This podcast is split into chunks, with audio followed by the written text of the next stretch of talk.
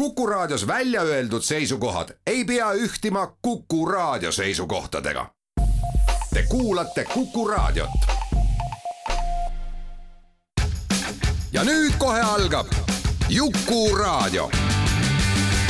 Juku-Kalle Raidi köögilaua taha ongi juba kogunenud kõikvõimalikud spetsialistid ja muidu toredad inimesed. tore, et sina ka tulla said.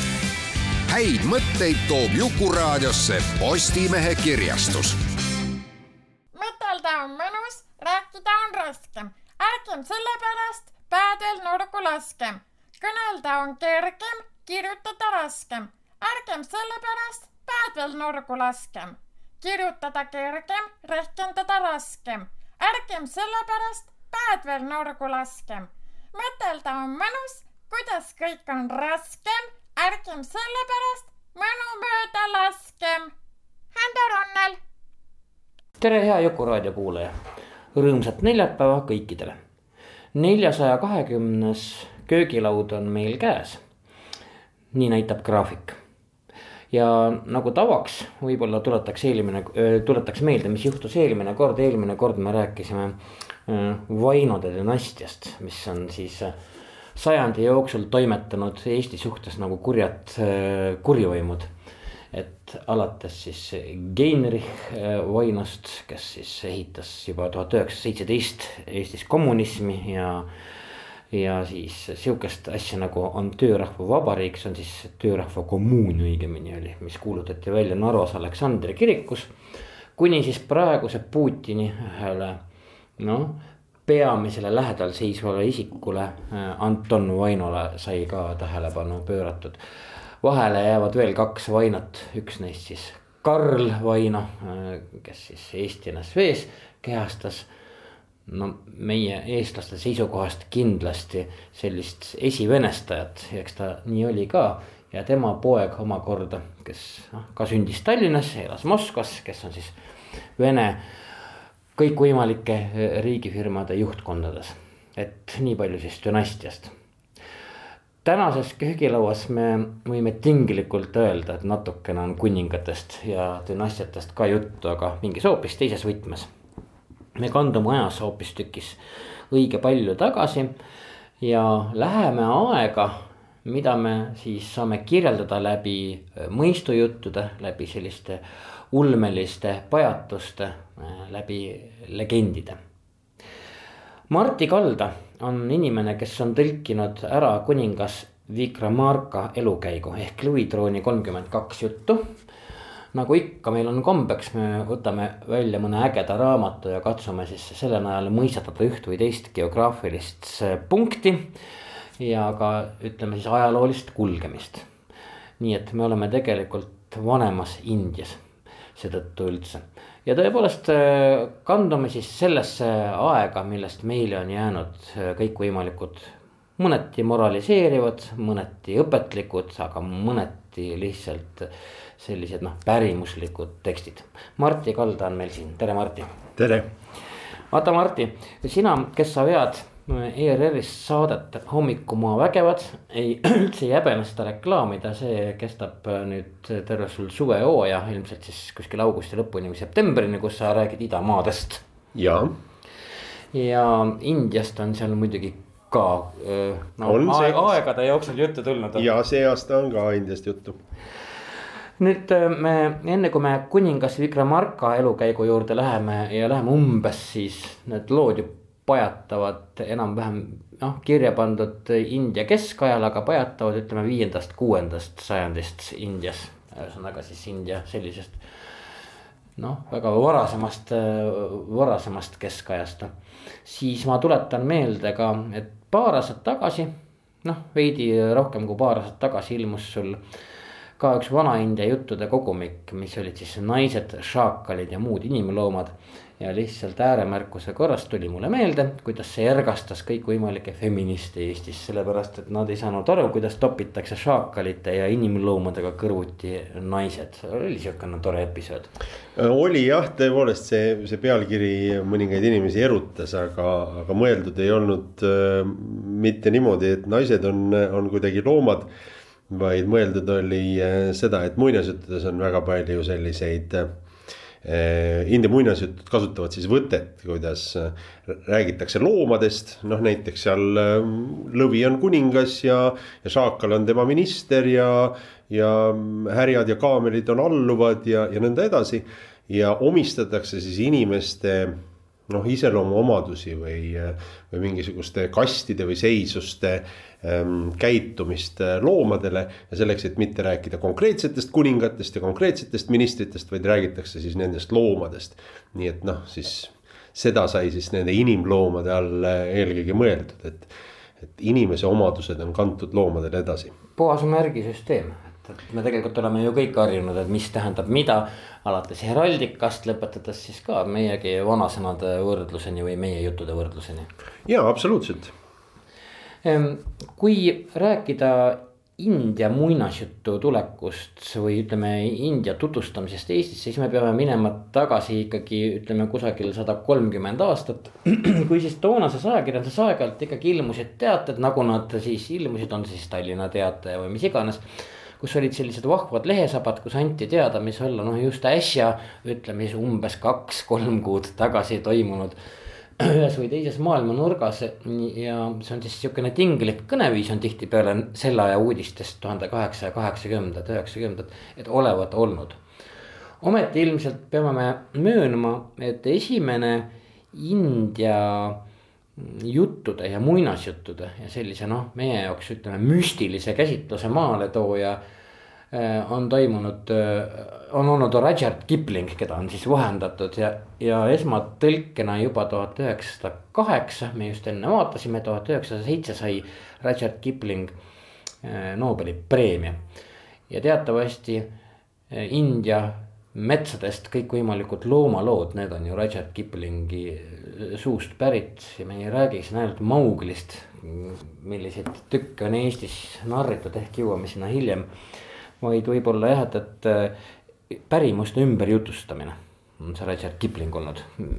no eks Kipling, äh, olles Indias ise sündinud, eks ole, tõenäoliselt kuulis oma ammedelt ja lapsehoidjatelt, nii nagu rikastel Äh, inglastel Indias ikka oli äh, neid lugusid äh, ja, ja noh, kirjandushuvilise inimesena tõenäoliselt ka, ka luges neid, selleks ajaks olid Panchatantra ja Hitopatesha juba väga selgelt tõlgitud inglise keelde. üheksateistkümnenda sajandi lõpul, just seal seitsmekümnendatel, kaheksakümnendatel. Need ka inglise keelde said ilusasti pandud väga populaarses vormis nii et eks ta oli neid lugenud ja, ja väga paljudes nendes Kiplingu lugudes tõepoolest võib näha seda, kuidas ta noh, enam või vähemal määral peaaegu otse Neid kirjutab, kirjutab jah. maha, eks ole. või, või, või mõningaid motiive. näiteks seal on see Riki-Tiki Taavi lugu Mangustist kes, kes siis äh, selle ussi äh, ära tapab, ära tapab. tapab kaks ohtlikku madu. jah, ja, ja, ja tegelikult äh, see mangusti, üks mangusti muinasjutt on, on väga-väga kuulus Indias.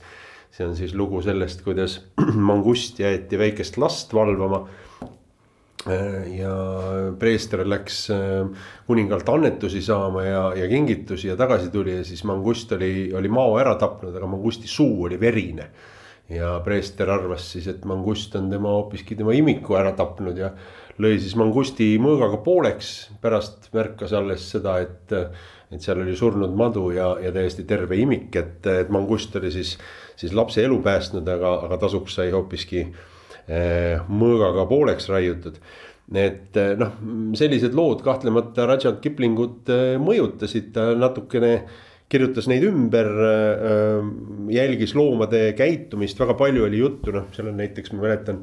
džungli sisse laskmise lugu, kus elevandid ründavad. et elevantide, elevantide rünnakud on, on tegelikult noh, isegi võiks öelda, et tänapäeval hoogustunud et Kiplingu ajal neid nii palju ei olnud, et inimesed ei tunginud nii palju elevantide elualadele. aga näiteks tänapäevases Bangladeshis või, või ka seal Lääne-Bengaalias India osariigis kõrval on neid rünnakuid päris palju. ja, ja üha hoogustuvad need, sest inimesed äh, tulevad elementide aladele. või, või sellesama Maugli loo äh, Rudyard Kiplingu äh, elu ja tegevuse ajal Indias, kui ta seal viibis ja oli laps ja. Ja ka hiljem äh, neid äh, džunglisse sattunud lapsi, keda hiljem leiti, oli tegelikult huvitaval kombel just nimelt selles ajavahemikus Indias päris palju ja enamust neid üritati siis ka kasvatada noh, nii-öelda päris inimesteks või siis, kui nad džunglist välja tulid.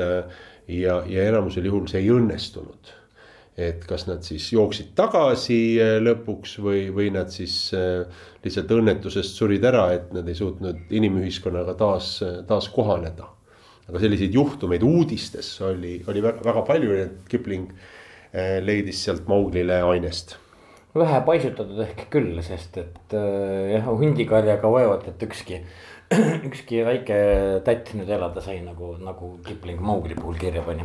ja valdavalt olid need äh, ahvi kogukonda ja. sattunud lapsed tegelikult äh, jah, need, neid, neid, neid, neid lapselugusid on Indiast päris palju. aga tuleme nüüd tagasi tänase äh, vestluse või köögilaua ajendanud raamatu juurde. see on Lõvitrooni kolmkümmend kaks juttu ehk siis Vikramarka elukäik, kuningas Vikramarka elukäik.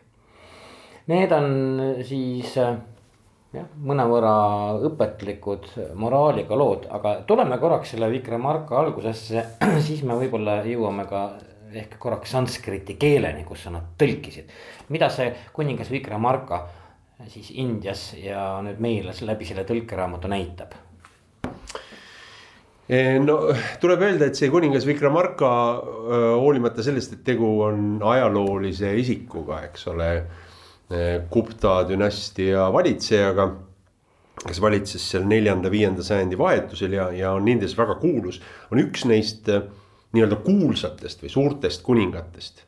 et India noh, ajalookirjutus on nagu e-, esile tõstnud, aga äh, mitte noh, nii-öelda reaalsetele ainesele toetudes või noh, mingile arheoloogiale või, või muule. vaid just nimelt kuningas Vikrama on saanud kuulsaks läbi nende lugude et kuningas Vikrama ei ole mitte ainult selles raamatus, vaid on eraldi ka ähm, Veetala kakskümmend viis juttu, mille Linnart Mell on tõlkinud eesti keelde äh,. seal ta üheks tegelaseks on eraldi kuningas Vikramarka lugude tsükleid veel äh, vähem tuntud äh, muinasjutu kogumikke.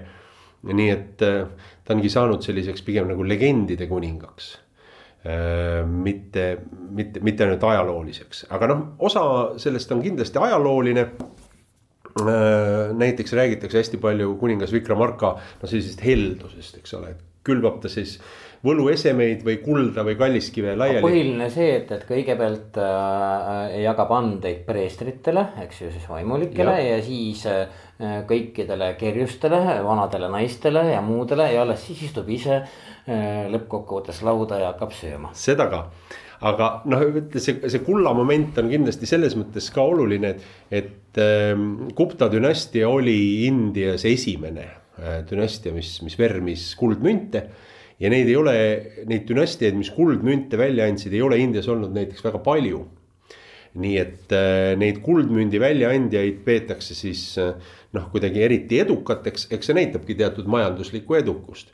et sul oli nii palju äh, sellist väärismetalli, et sa said, said selle vermida ka kuldmüntideks ja noh, seal on siis osa sellest mainest, osa mainest on ka selles, et väidetavasti kuningas Vikramaditja või Vikramarka ähm, vapper päikene, eks ole, kui seda nime tõlkida, Arka või Aaditja tähendab siis päikest seal lõpus, Vikram. Vikrama on siis see vapper, äh, et ta oli ka väga paljude äh, kirjanike patroon. väidetavasti tema õukonnas elasid nii-öelda üheksa kalliskivi sellest räägitakse kui legendaarsest asjast, need on siis üheksa sellist vana ja kuulsat kirjameest, nende seas kõige kuulsam oli siis Kalidasa äh,. luuletaja, näitekirjanik, selline omamoodi India Shakespeare natukene mm. -hmm. Ja, ja noh, tõesti üüberkuulus, võiks öelda, et kõikidest India kirjameestest kõige-kõige-kõige kuulsam äh, Kalidasa oli, kas ta reaalselt elas tema õukonnas, noh, see ei olegi nii väga tähtis, enam-vähem samal ajal ta elas. Ja, ja eks siis äh, see Vikramarka toetus kirjanikele kindlasti tõi kaasa ka noh, tema ülistamiseni, et äh, see Siin kandus, kandus edasi. tundub olevat tegemist teatud sümbioosiga, et, et kui kuningas nii-öelda intelligentsialik kirjamehi elik jutuvestjaid, mis jutukogujaid ja edasiarendajaid piisavalt toetab, siis on põhjust teda ülistada. kui troonil olev kuningas seda ei tee, ilmselt siis ta eh, kostub juttudes hoopis teistsugusena. jah, üks asi, mis mulle noh, ajalises plaanis selle raamatu puhul hästi meeldis, oli see, et, et raamat ise meile, meie, meieni säilinud tekst on kusagilt sealt neliteist, viisteist sajand. raamjutustuses on, on teine kuningas, kuningas Poja, eks ole, kes kaevab välja Vikrama trooni, üritab sellele istuda ja siis need trooni küljes olevad nukud jah. naise kujukesed, sellised kui neid India tüüpi on, siis noh, nii-öelda paljad, et ainult äh, niudevöö seal ümber naistel. Need kujukesed ärkavad siis ellu ja jutustavad igaüks loo siis sellest kuningas Vikramast. et siin on nagu väga. see on nagu tekst tekstis tekst põhimõtteliselt. tekstis äh, raamjutustuse mõistes, mis on nagu hästi klassikaline jutukirjanduse osas, aga ka ajaliselt äh, me vaatame tagasi äh, neljateistkümnendast sajandi tekstis, teksti kaudu üheteistkümnendale sajandile, mis omakorda vaatab tagasi sinna neljandale sajandile. ja, ja selles äh, ajaloolises plaanis paistab äh, selgelt välja see, kuidas, kuidas nagu seda minevikku peetakse nagu noh ähm, palju ilusamaks. ja, ja, ja noh, sellel on äh, oma ajalooline põ- põhi ka. vaat kuningas Poja ajal hakkasid Indiasse tungima moslemid. Ja, ja tõepoolest Poja seal valitsusaeg lõpeb seal üheteistkümnenda sajandi keskpaiku. siis juba moslemite sissetung oli nii suur, et võib öelda, et Põhja-Indias hakkasid moslemid võimu võimu võtma. et noh, Delhi sultanaadi alguseni oli veel natukene aega, umbes sada viiskümmend aastat, aga, aga siiski mis tähendab seda, et hindud tundsid mõnes mõttes ka, et nende kultuur on noh, nagu alla käimas või hävimas. ja, ja seetõttu pöörasid siis sellise pilgu nagu minevikku ja vaatasid seda, seda ülla, no umbes siis samamoodi, et. et kui tänapäeval kirjutatakse Eestis romaan äh, Kreutzwaldist, kes omakorda kirjutab Kalevipojast ja, ja siis äh, idealiseeritakse seda Kalevipoja aegset äh, ühiskonda ja Eesti eluolu no eks meil seda ole tehtud ka sellepärast, et kõik need muistsed väepealikud, kes äh, sellele müütilisele seitsmesaja aastasele orjaajale vastu astusid. olgu need, ma ei tea, Kippeli tegelased või ükskõik, eks ole ju täpselt seesama, et, et me ikkagi üritasime vastu panna. India ja kuningad üldse kogu seda raamatut vaadates. Nad on teistsugune, kui näiteks me loeme Euroopa ka ümber jutustatud vanu legende, kus siis on tingimata tähtsal kohal kuningas, eks ole, kellel on noh, ma ei tea, meie mõistes haigekast tütar või mingi muu jama on. Ja siis tuleb mingi väike vaene tegelane, kes selle kõik korda ajab paari mütoloogilise, kas siis mingi vidina abil, olgu need siis mingid saapad, keep või kurat teab mis. või siis on lihtsalt hirmus nutikas, siis Indiast ja kuninga võimust saab kindlasti koos rääkida ka tänasel hetkel. absoluutselt, kuningavõim oli Indias selline noh, peaaegu müütiline nähtus, et ühel hetkel siis, kui kuningriik tekkis, kuningriigid tekivad umbes sellisel, sellisel ajal, et kui aarialased tungisid Indiasse, siis kõige tähtsam isik sellel edasitungil oli loomulikult mõõgaga mees. ja, ja see, kes siis neid juhtis, sellest sai, sai siis kuningas ja India mõistes oli mõnes mõttes sellise ühiskonna tekkimine kaosest. vanad tekstid kirjeldavad seda niimoodi, et, et enne kui oli kuningavõim, siis rikkad ja, ja võimsad tapsid tavalisi, tavalisi vaeseid. ja tavalisi inimesi äh, nagu kalu ämbris, selline võrdlus on, et see kalad ämbris ja, ja nüüd siis tuli kuningas ja siis selle oma valitsusvõimu abil, seda sümboliseerib selline kepp, danda on sanskriti keeles selle nimi. Danda tähendab ka ühtlasi karistust, see on ka kohtuvõim, see ei ole mitte ainult valitsusvõim, vaid ka kohtuvõim. Selle abil siis kuningas lõi korra. ja seetõttu kuningriik äh, lähtub sellest isikust et India nägemuses on, on niimoodi isegi palju lugusid on selliseid, et kuningriik on olemas seni, kuni on kuningas näiteks kuningriik võib olemas olla selles, et, et terve kuningriik on ära vallutatud, valdused on ära võetud, armee on maha tapetud, aga kuningas on džunglis puu all endiselt alles. kui me vaatame näiteks Mahabharata või Ramayana eepost, seal on täpselt samamoodi. džunglis on olemas see üks isik, kes kannab seda kuninga võimu. näiteks Ramayanas Rama. ja selle, selle läbi on olemas endiselt see kuninga võim sellepärast, et ta võib alati tagasi tulla, leida omale uue armee, leida omale uue paranduse ja vallutada oma alad tagasi nii et sellest nii-öelda kuninga isikust, aga see ühtlasi on muutnud äh, kuningriigid ka sääraseks. et, et väga palju sõltub sellest isikust. Äh, näiteks hilisemal ajal, kui kuningas oli noor, ilus, terve ja hea, siis oli kõik hästi. aga kui ta oli vana, haige ja nõnda edasi, siis oli kogu aeg noh äh, mure, et kas see kuningriik hakkab, hakkab lagunema või mitte. näiteks Indias oli ka selline komme kuninga võimu puhul, et kuningas pidi ennast iga päev näitama rahvale sellel on konkreetselt isegi oma nimi, turbaar ja sellest on saanud äh, isegi väljaku nimetus paljudes India linnades on Turbaari väljak. Aga see tegelikult. et ta on olemas. see on, see on see väljak. ilmub välja. kuningas näitab. tuleb kuningapalee äh, kas siis trepile või äh, rõdule ja näitab, et ma olen olemas füüsiliselt.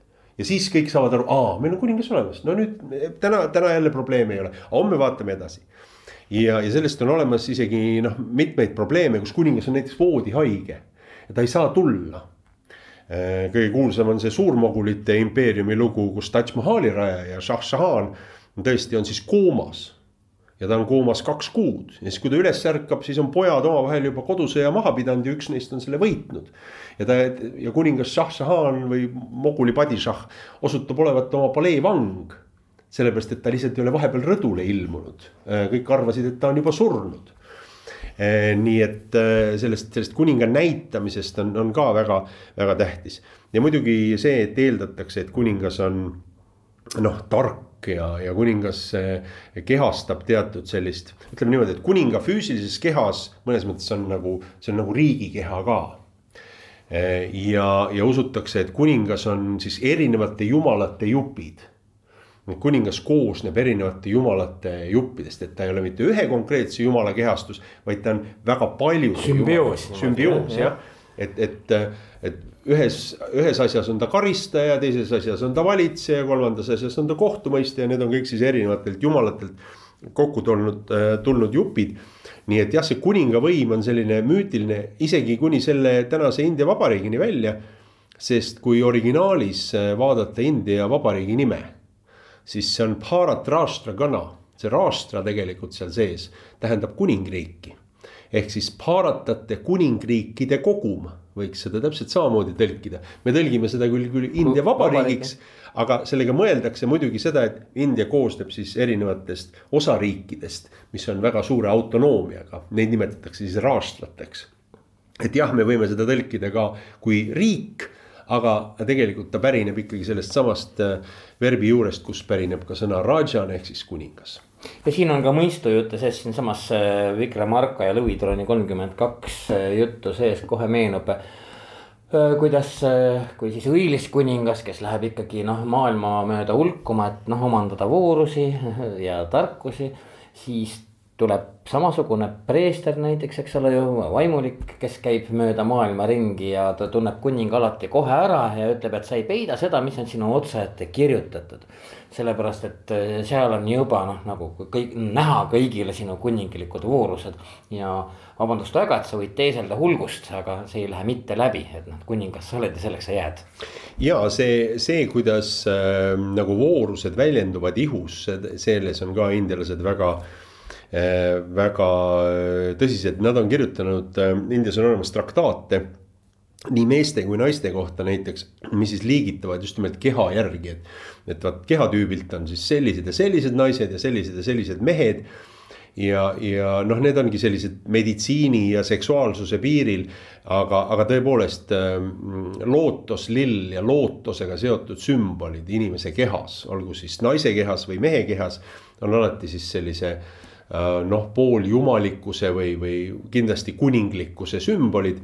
Ja noh, just nimelt nendele tunnismärkidele siis mingi preester või, või teadja, kes on neid tekste lugenud, viitabki, et jah, kuningas Vikramarka ei saa, ei saa peita seda. et ta on kuningas. et ta on kuningas, see, see on tõepoolest nii et aga soov mööda maad ringi käia ja, ja noh, jah omandada teadmisi see on ka tegelikult huvitav nähtus. ei ole, ei ole küll konkreetselt teada, et ükski kuningas oleks niimoodi, nii teinud, niimoodi ju. oleks teinud. ta ei oleks samal ajal saanud Jaa, ilmuda. just, aga mm, eh, tuleb öelda seda, et eh, India kuningatele vähemalt eh, sellised riigiteaduse traktaadid kirjutasid ette, et neil on, peab olema hästi suur hulk nuhke tohutu hulk informaatorit ja seal ei ole ainult mitte nuhid konkreetselt salakuulajad välisriigis, vaid ka oma maal.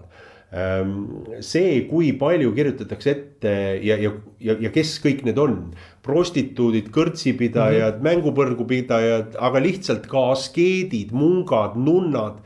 kes tegelikult jälgisid ühiskonda ja siis äh, sõnumite kau-, kaudu kuningaga suhtlesid kuninga äh, päevaplaan on üsna täpselt ette kirjutatud ja no tegelikult seal kaks tundi enne südaööd ja kaks tundi pärast südaööd kuningas kohtub kõikide nende salakuulajatega.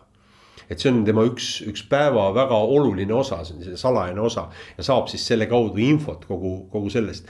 nii et kui ta ise ei maskeerituna ringi ei jalutanud, siis ta vähemalt sai oma nuhkide ja informaatorite kaudu väga palju informatsiooni, olgu siis oma riigist või välisriigist. ülekantud tähenduses see nii ongi, maskeerituna Jah, ringi jalutamine, et sa sellest ise otseselt osa ei võta. me teeme ühe pisikese pausi, meie tänase köögilaua õiendiks on kuningas Vikramarka elukäik ehk Louis Trooni kolmkümmend kaks juttu. mille tõlkis sanskriti keelest Martti Kalda, kes siis meil täna köögilauas on. ühesõnaga, me oleme äh, vanas Indias, me isegi võib-olla ei hakka nüüd väga määratlema, on see viies sajand, kuues sajand või natuke hilisem või varasem aeg. ent äh, nagu need lood selles raamatus näitavad, võib tänapäeva, tänapäeva maailmaga hästi mm, mõnusaid paralleele tõmmata, nii et pole mitte midagi häda. tuleme kohe tagasi. Te olete Kuku Raadio lainel ja kuulate Jukuraadiot. häid mõtteid toob Jukuraadiosse Postimehe kirjastus jätkame Juku raadio neljasaja kahekümnendat saadet. tänaseks köögilauaks andis ainet meile sanskriti keelest tõlgitud kuningas Vikramarka elukäik ehk Louis Trooni kakskümmend, kolmkümmend kaks juttu. Martti Kalda, kes on selle sanskriti keelest tõlkinud, on siin ja kogu see hmm, juttude kogum äh, just anna- annab meile põhjust sukelduda korraks umbes viienda sajandi Indiasse ja nendesse lugudesse, muinasjuttudesse, mis on tihtipeale ulmelised. ent äh, mis mõneti noh, kui siin mingeid kujundeid välja arvata, mis on sul õnneks ääremärkustega väga hästi äh, varustatud ja selgitustega. kui just mõned kujundid võib-olla tõesti välja arvatud, mis meie kultuuriruumist mööda lähevad siis üldosas, üldosas on need muinasjutud arusaadavad, nad ikkagi moraliseerivad ja aitavad ühiskonda endal koos hoida. lõppkokkuvõttes on ju kõikide või noh, ütleme enam-vähem kogu sellise kirjanduse äh, ülesanne maailma kultuuris on nad küllalt noh, enam-vähem ikkagi sarnane. minule tegelikult, mul on selline salahuvi, ma loen mm, sellist keskaegset kirjandust mitte ainult äh, Aasiast, vaid ma loen seda tegelikult ka Euroopast. ja minule meenutasid äh, siis väga paljusid äh, pühaku elulugusid, eks ole, Legenda Aurea äh, lugusid. ja, ja tegelikult üks selline on veel, et hästi palju sarnaseid elulugusid, elulugusid, mõned, mõned neist on ajaloolised. Mõned mõned, mõned lähevad juba täiesti pööravad ära, on näiteks Karl Suure kohta ja eh, mul on üks selline kogumik Karl Suure elulugusid ja, ja on täpselt siis näha, et, et see, mis on kirjutatud neli aastat peale Karl Suure surma, et seal on veel Karl Suur nagu selline. Enam-vähem olemas, enam, enam-vähem reaalne tegelane, kus isegi öeldakse, et, et tal oli äh, punased juuksed äh,, selline piuksuv hääl ja suur kõht aga siis juba kuuskümmend aastat hiljem kirjutatud elulugu on noh, enam-vähem Karl Suure jalad enam ei puuduta maapinda. vaid ta on selline noh, pühakutaoline kuni siis kakssada aastat hiljem on ta juba noh, täiesti hõljub üleval. et noh, vot selle Vikramarkaga on samamoodi juhtunud, et, et kuivõrd see, need lood on niivõrd kaugel eh, sellest reaalsest eh, Vikramast, siis, eh, siis nad lähevad nagu fantastikasse välja. aga võrreldes nüüd ütleme siis ütleme õhtumaise pärimusega ja millega me ikkagi oleme rohkem kursis. on see mütoloogia siin noh, noh meie jaoks ikkagi palju põnevam, sest lõppkokkuvõttes me ei ole sellega niivõrd palju tuttavad. juba see näitab, et see ei ole lihtsalt igapäevane.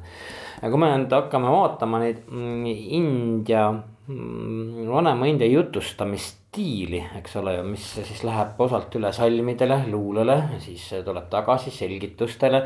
siis needsamad äh, need kujud, me räägime siis sellest Vikramarka lõvitroonist, et kuhu ta tahab istuda, aga noh, mida takistavad siis needsamad äh, trooni kaitsma või valluma pandud äh, kujud, mis siis nõuavad talt mingit teatud ülesannete täitmist, eks ole et ta justkui on sarnaseid elemente, aga see stiil ja isegi need kurinahad ja kõik eh, see muu kaadervärk, mis seal ümber toimetab, on ikkagi väga erinev.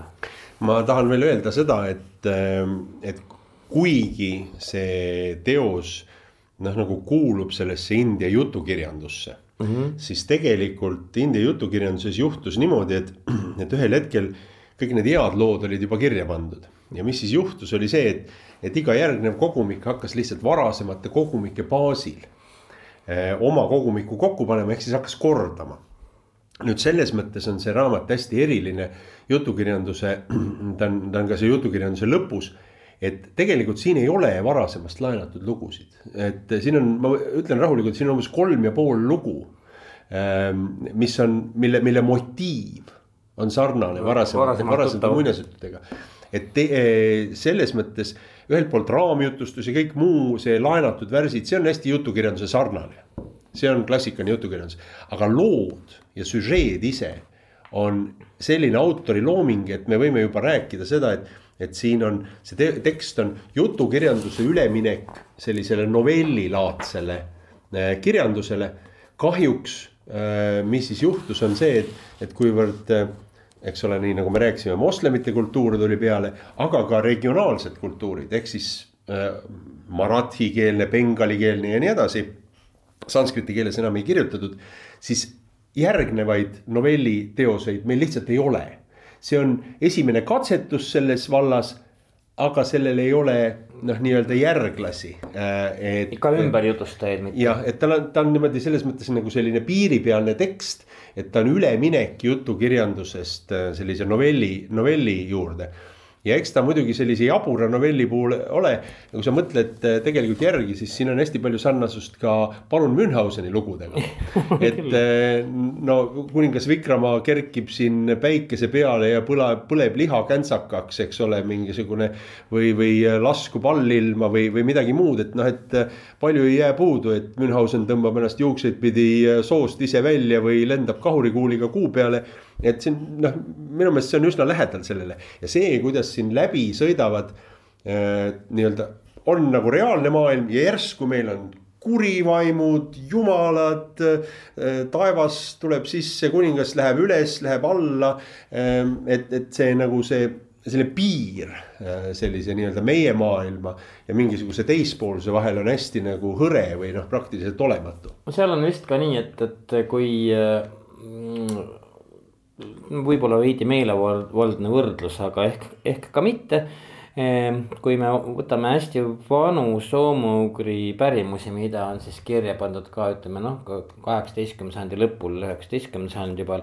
siis seal on ka see niikuinii see no ole, oleva ja mitteoleva piiri praktiliselt ei ole olemas, lihtsalt ei olegi olemas, sest et nende enda teadvus võtab seda teistmoodi, kui siis meie siin noh, sinuga või kahekümne esimesel sajandil oleme arutanud ja, ja arvanud, et, et see on, noh, et üks on siis mingi. jah, ma ei tea, vaimude, ma ei tea, ükskõik mingi sihukene väljamõeldud maailm ja ük, ma ei tea, kus siis võivad tegutseda puud ja päike ja ma ei tea, tuul ja siis.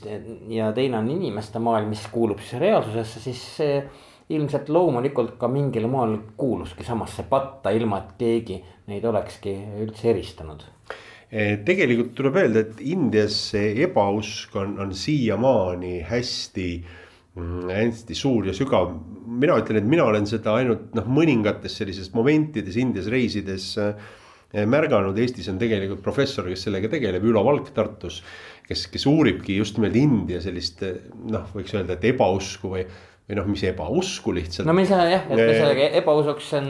just, aga, aga, aga noh, ütleme niimoodi, et India ise, ise ka võitleb selle ebausu vastu, et et uskuge või ära või mitte, aga näiteks Indias endiselt kahekümne esimesel sajandil ähm, lintšitakse nõidu nii mees kui naissoost äh, lausa niimoodi, et e-, osariigid on vastu pidama, pidanud võtma seadusi. Et ei tohi nõidu taga kiusata. Ähm, et. ja ta on küll nõid, aga palun jätke ta ellu. ja, ja noh, näiteks on olemas organisatsioone, kes, kes registreerivad, äh, vaatasin siin, siin mingisugust statistikat, et et siin äh, kümmekond aastat tagasi registreeriti, et viie aasta jooksul oli umbes seitsesada nõida ühes osariigis siis mingisuguse vägi, vägivaldse või siis lausa surma nii-öelda ära, ära tapetud või, või siis peksa antud sellepärast, et, et kedagi kahtlustati, et ta on nõid. Äh, rääkimata sellest, et tohutu selline noh, erinevat sorti ebausk, indialased kardavad pimedat ma olen ise olnud hädas autojuhiga, kes keeldub päikeseloojangu järel edasi sõitmast, sellepärast et teemonid on igal pool ees. paharetid tulevad muidugi. Ehm, see eh, sidrunite ja tšilli ehm, selliste ripatsite riputamine autodele, majadele, tohutu, tohutu selline, selline komme jällegi kurjade, kurjade vaimude vastu. isegi mitte küüslauk või? küüslauku ei ole, sidrun ja tšilli on, on valdavalt ähm, igasugused jumala, jumala kujukesed, siis see, kuidas kõik peab olema astroloogia järgi, näiteks Indias on on seadusi, mille, mille puhul vaatad, et miks on seadus allkirjastatud neli kolmteist öösel. India äh, president, kes on tavaliselt üübervana äh, poliitik, selline veteran poliitik, on tõusnud neli kolmteist öösel üles ja allkirjastanud mingi seaduse. aga sellepärast, et see on astroloogiliselt õige hetk see seadus allkirjastada. India riigil on palgal riiklik astroloog, kes ütleb, millal ühte või teist seadust allkirjastada, et see seaduse mõju oleks ikkagi kõige parem.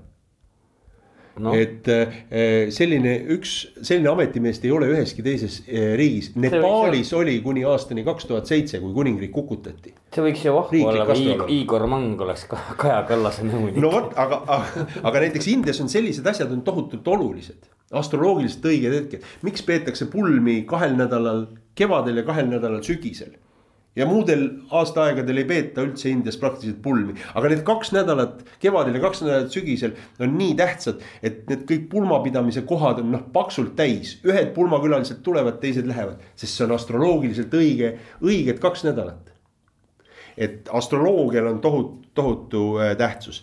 Äh,. tänaval võib endiselt näha tohutuid pakkumisi, käe järgi ennustamine, jalalaba järgi ennustamine Äh, suured sildid, et tule meile siia sisse, meil on selline putka, vaat nüüd võta jalad paljaks. me ennustame selle jalataldade järgi täpselt kõik ära et Indias on, on, on see. kohe küsimus, oled sa ise käinud, lasknud oma jalalaba järgi ennustada või uh,? tead, ükskord olen ja, ja, ja võin öelda, et täiesti mööda on pandud, et et õnneks ei usu sellesse, aga, aga, aga Indias, Indias. huvitav oli ikka jah. huvitav oli ikka ja, ja noh, näiteks ka see näiteks meditsiini vallas, lähed India apteeki, siis seal on kolm neljandikku on ajurveda ehk siis täiesti loodusravimid ja ma usun, et loodusravimid ähm, noh, mingil määral toe, töötavad, töötavad. Ja, ja teatud haiguste vastu.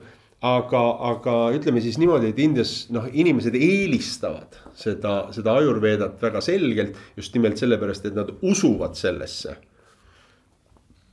ja see läänelik meditsiin, noh, see tuleb alles siis, kui, kui muidu ei saa või siis, kui arst ikka väga-väga-väga soovitab meil tihtipeale on vastupidi, kui läänelik meditsiin noh, lihtsalt ei pruugi aidata, siis. siis minnakse alternatiivi. minnakse alternatiivi peale ja lõppkokkuvõttes, kuidas ütleski Oskar Lutsus apteeker, eks ole ju, et parim ravim, mille inimene endaga kaasa toob, on usk sellesse ravimisse. jah aga mm, kui me nüüd sellest lõvitroonist veel korraks äh, räägime just selle mm, tähetarga ja e-, ebausu peale või astroloogia peale. siin algab iga peatükk enam-vähem umbes noh, samamoodi, et ühesõnaga seal on sarnane sissejuhatus, et kui kuningas end taas lõvitroonil istuma asutas, sõnas siis järgmine kujukene, eks, kes talle siis ülesandeid äh, ette paigutas, noh, et ta proovile panna ikka. hea kuningas, selle sinasel lõvitroonil istugu vaid see, kelle hinge, hingesuurus ja muud voorused on selle sinase Vikramaaga samaväärsed ja siis palub alati kuningas, et hea kujuke jutusta, millest tema hingesuurus ja muud voorused avaldusid. ja ja nüüd siis muidugi järgnebki lugu, et eks ju, et kui jõukonda saabub keegi tähetark, kes siis midagi ette ütleb ja. Ja lõppkokkuvõttes on ikkagi küllaltki fatalistlik, noh umbes nii, et, et kui sa oled kuningas, siis sa oma voorusi ei peida, et tark saab sellest aru ja lõppkokkuvõttes ka tähetark teab ikkagi täpselt, mis juhtuma hakkab, nii et pääsu pole. Jah, see fatalism on, on, on siin raamatus äh, hästi tugev, siin on, siin on äh, mõned üksikud sellised nii-öelda teised hääled ka, lisana on üks lugu, äh, mis sisuliselt ütleb, et aitad ennast ise, aitab jumal ka. aga, aga enamuses lugudes tõepoolest on selline, selline fatalism ja seda on Indias ka huvitaval kombel uuritud, et erinevate loodusõnnetuste puhul või, või ka sõdade puhul indialased tõesti on hulga fatalistlikumad äh, kui, kui eestlased või, või lääne inimesed, kui lääne inimene üritaks noh, ennast mingisuguse õnnetuse korral ikkagi nagu päästa või. või, või vastu sõdida, siis Indias juhtub tihti niimoodi, et inimesed lihtsalt võtavad looteasendi ja, ja, ja ootavad surma. jah, surevad ära. et äh, noh, usk, et niimoodi peabki siis järelikult minema.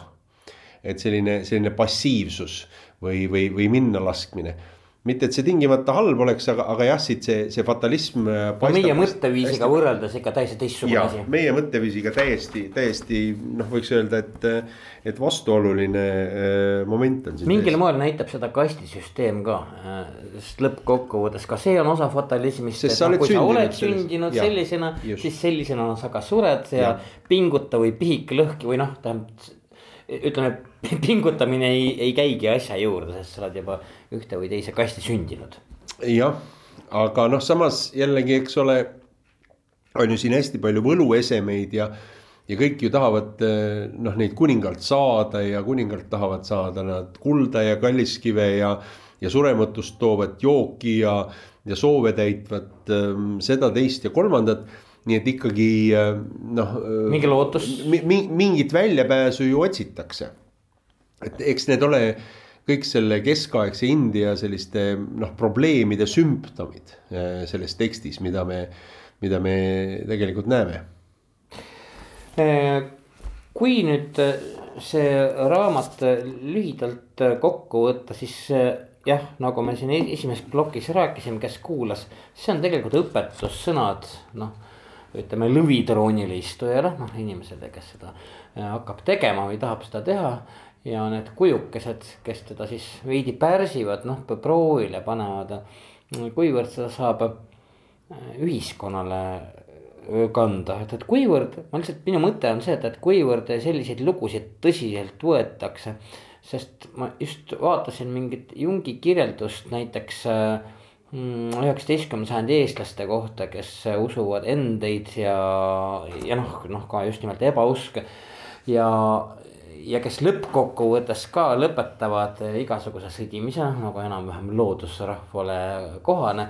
ja kes usuvad hästi palju äh, vanu jutte, samal ajal meil siin tulid hernhuutlased ja me teame, et, et äh, kui vennaste kogudus oli sellest kõigest üle käinud, siis inimesed, kes uskusid, ei julgenud seda avalikult öelda, sest nad arvasid, et nad lähevad põrgusse selle eest. mil moel on selle teksti seos tänase Indiaga äh, alles või mis loksed seal üldse toimuvad? nojah, eks indialased usuvad, mina olen märganud, et indialased usuvad väga palju sellistesse noh, nii-öelda suurtesse ideaalidesse. et kummalisel kombel indialased suudavad ka oma tavalises elus, lihtsas tegevuses näha öö, ähm, sidemeid kõrgete ideaalidega e,. usu või ära usu, aga ma olen näiteks hotelli liftipoisiga ehk siis poisiga, kes sõidab liftiga üles-alla, kelle ülesanne on nuppe vajutada. sellepärast, et noh, ma olen ju nii suur ja tähtis ja no, valge, eks ole, et ma ei, mina ju nuppe ei vajuta. eh, suudab vestelda eh, ka neljaminutise liftisõidu jooksul väga filosoofilistel teemadel. ja ta, ta mõtleb selle peale.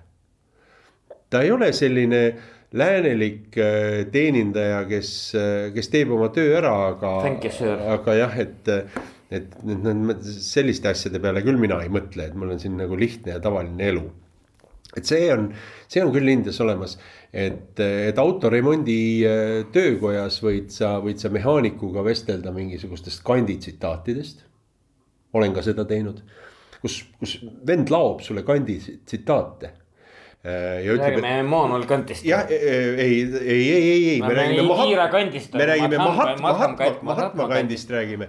et äh, laob sulle Mahatma kandi tsitaate ja ütleb, et vaat näed, mina elan nüüd selle, äh, selle printsiibi järgi, aga kui tuleb nüüd mingisugune teine asi, siis ma, siis ma elan selle, selle tsitaadi järgi. see on siis oluline, see on siis mingis osas on see maailmapilt see maailmapilt on jah, ikkagi äh, sellisel huvitaval kombel teistsugune, ma ei taha öelda sugugi mitte, et kõik indialased on, on kuidagi nagu sündinud filosoofid aga, aga ma olen märganud seda, et. no fatalism soodustab filosoofiat, that's it, see on ka kindel või,. võib-olla ka, aga, aga et, et sellises, sellises tavategevuses suudetakse näha mingisuguseid. noh, nagu kõrgemaid printsiipe ja suudetakse nende peale mõelda. et see, mis läänes tihti tihti eh, noh, isegi poliitikud või, või riigimehed ei tee seda, et, et ähm, ma ei tea, teeme, tõstame selliseid ja selliseid makse, aga miks me seda teeme? Eh, või et muudame seadust, aga kas see ülejäänud seadustega ka nagu mingisuguse ühtse terviku moodustab? et äh, seda ei ole, aga mulle tundub, et Indias on, on nagu seda rohkem, et see kindlasti paljastub selles, selles teoses. aga see, mis sa ütlesid, et see on selline äh, noh, nagu kättesaamatu ideaal eh, on loomulikult. Eh, see on ka üks asi, miks, mis mulle selle teksti puhul meeldib, on see, et, et see Vikrama on. no mõnes mõttes on ta ju noh, nagu keskaegne superkangelane. et on selline Superman, Batman ja noh, kõik need eh, nii-öelda. kõik erinevad männid. eks ole, ühes, üheskoos et noh, ta ei karda midagi, ta astub siin kurivaimudele vastu ja läheb põrgusse, läheb päikse peale ja on nõus ennast ohverdama et temas on see, see Supermani nii-öelda eneseohverdus ja, ja, ja mingisuguse riigi või rahva eest eh, enese ohvriks toomine. ja samas on ta hästi inimlik. et ehm, noh, sõdides, sõdides vaenlasega tahab ta ikkagi nagu võita.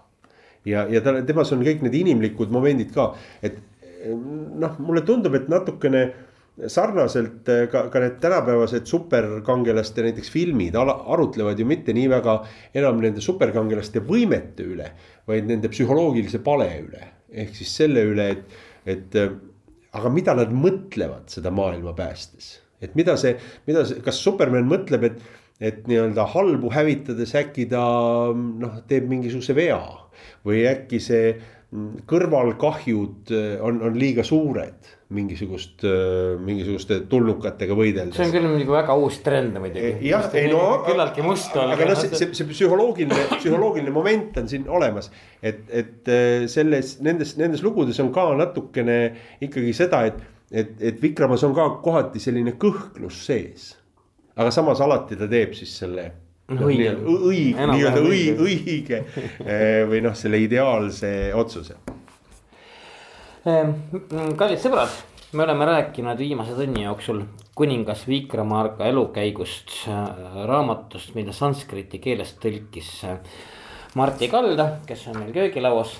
võib-olla sanskriti keelest veel, meil on umbes kaks mintsi aega, et tegelikult sanskriti keel on ju noh, lihtsalt korrastatud keel, et ega ta on vana-india keelte hulka kuuluv, mitte nüüd olnud selline, ma ei tea, algkeel nojah, ta on äh, indoaarlaste keelest tekkinud, aga, aga jah äh,, sealt kusagilt neljandast, viiendast sajandist enne Kristust alates on ta selline kultuurikeel, et. Ladina keel Euroopas. Ladina keel Euroopas, kreeka keel äh, Bütsantsis keskaegses äh, mm, täpselt samamoodi. et äh, inimesed rääkisid, inimesed oskasid, oskasid kirjutada tekste, aga see ei olnud kellegi emakeel. Aga antud hetkel ta on ju ametlik keel Indias. Indias on ta tõepoolest ametlik keel ja umbes nelikümmend viis tuhat inimest väidab, et, et nad räägib, räägib selles keeles ja on raadiouudised. ja kuni kõige viimase ajani oli nädalaleht ka sanskriti keeles aga nad on pidanud väga palju leiutama uusi sõnu, et saada öelda raadio, lennujaam ja, ja nõnda edasi muud, muud. ja, aga muide eh, Saksa, eh, Saksa serveris on olemas eh, moodsa kõneldava sanskriti sõnaraamat täiesti veebis kättesaadav. vägev, neljasaja kahekümnes jah, oli nelisada kakskümmend, Jukuraadio on seega lõppenud, Martti Kalda, aitäh, et viitsisid tutvustada meile Vana-India muinasjutu reaalsust, mis seostub vaieldamatult ka tänapäeva Indiaga. ole mõnus tulemast, aitäh sulle. aitäh. ja ei häbene Kuku raadios välja hõigata, et äh, Hommikumaa vägevad on Martti Kalda saade ERR-is, keda see äh, asi ja see ütleme osa maailmast huvitab, kuulake Martit kindlasti sügise läbi, ta teeb sulle vist üheksa saadet sügise jooksul. üheksa saadet kuni augusti lõpuni olge mõnusad veel kord, aitäh, Martin. aitäh. ja teie, olge mõnusad, kohtume järgmine nädal. mõtelda on mõnus, rääkida on raskem, ärgem sellepärast päädel nurgu laskem. kõnelda on kergem, kirjutada raskem, ärgem sellepärast päädel nurgu laskem. kirjutada kergem, rehkendada raskem, ärgem sellepärast päädvel nurgu laskem. mõtelda on mõnus, kuidas kõik on raskem ärgem sellepärast mõnu mööda laskem. Hända Ronnel. häid mõtteid toob Jukuraadiosse Postimehe kirjastus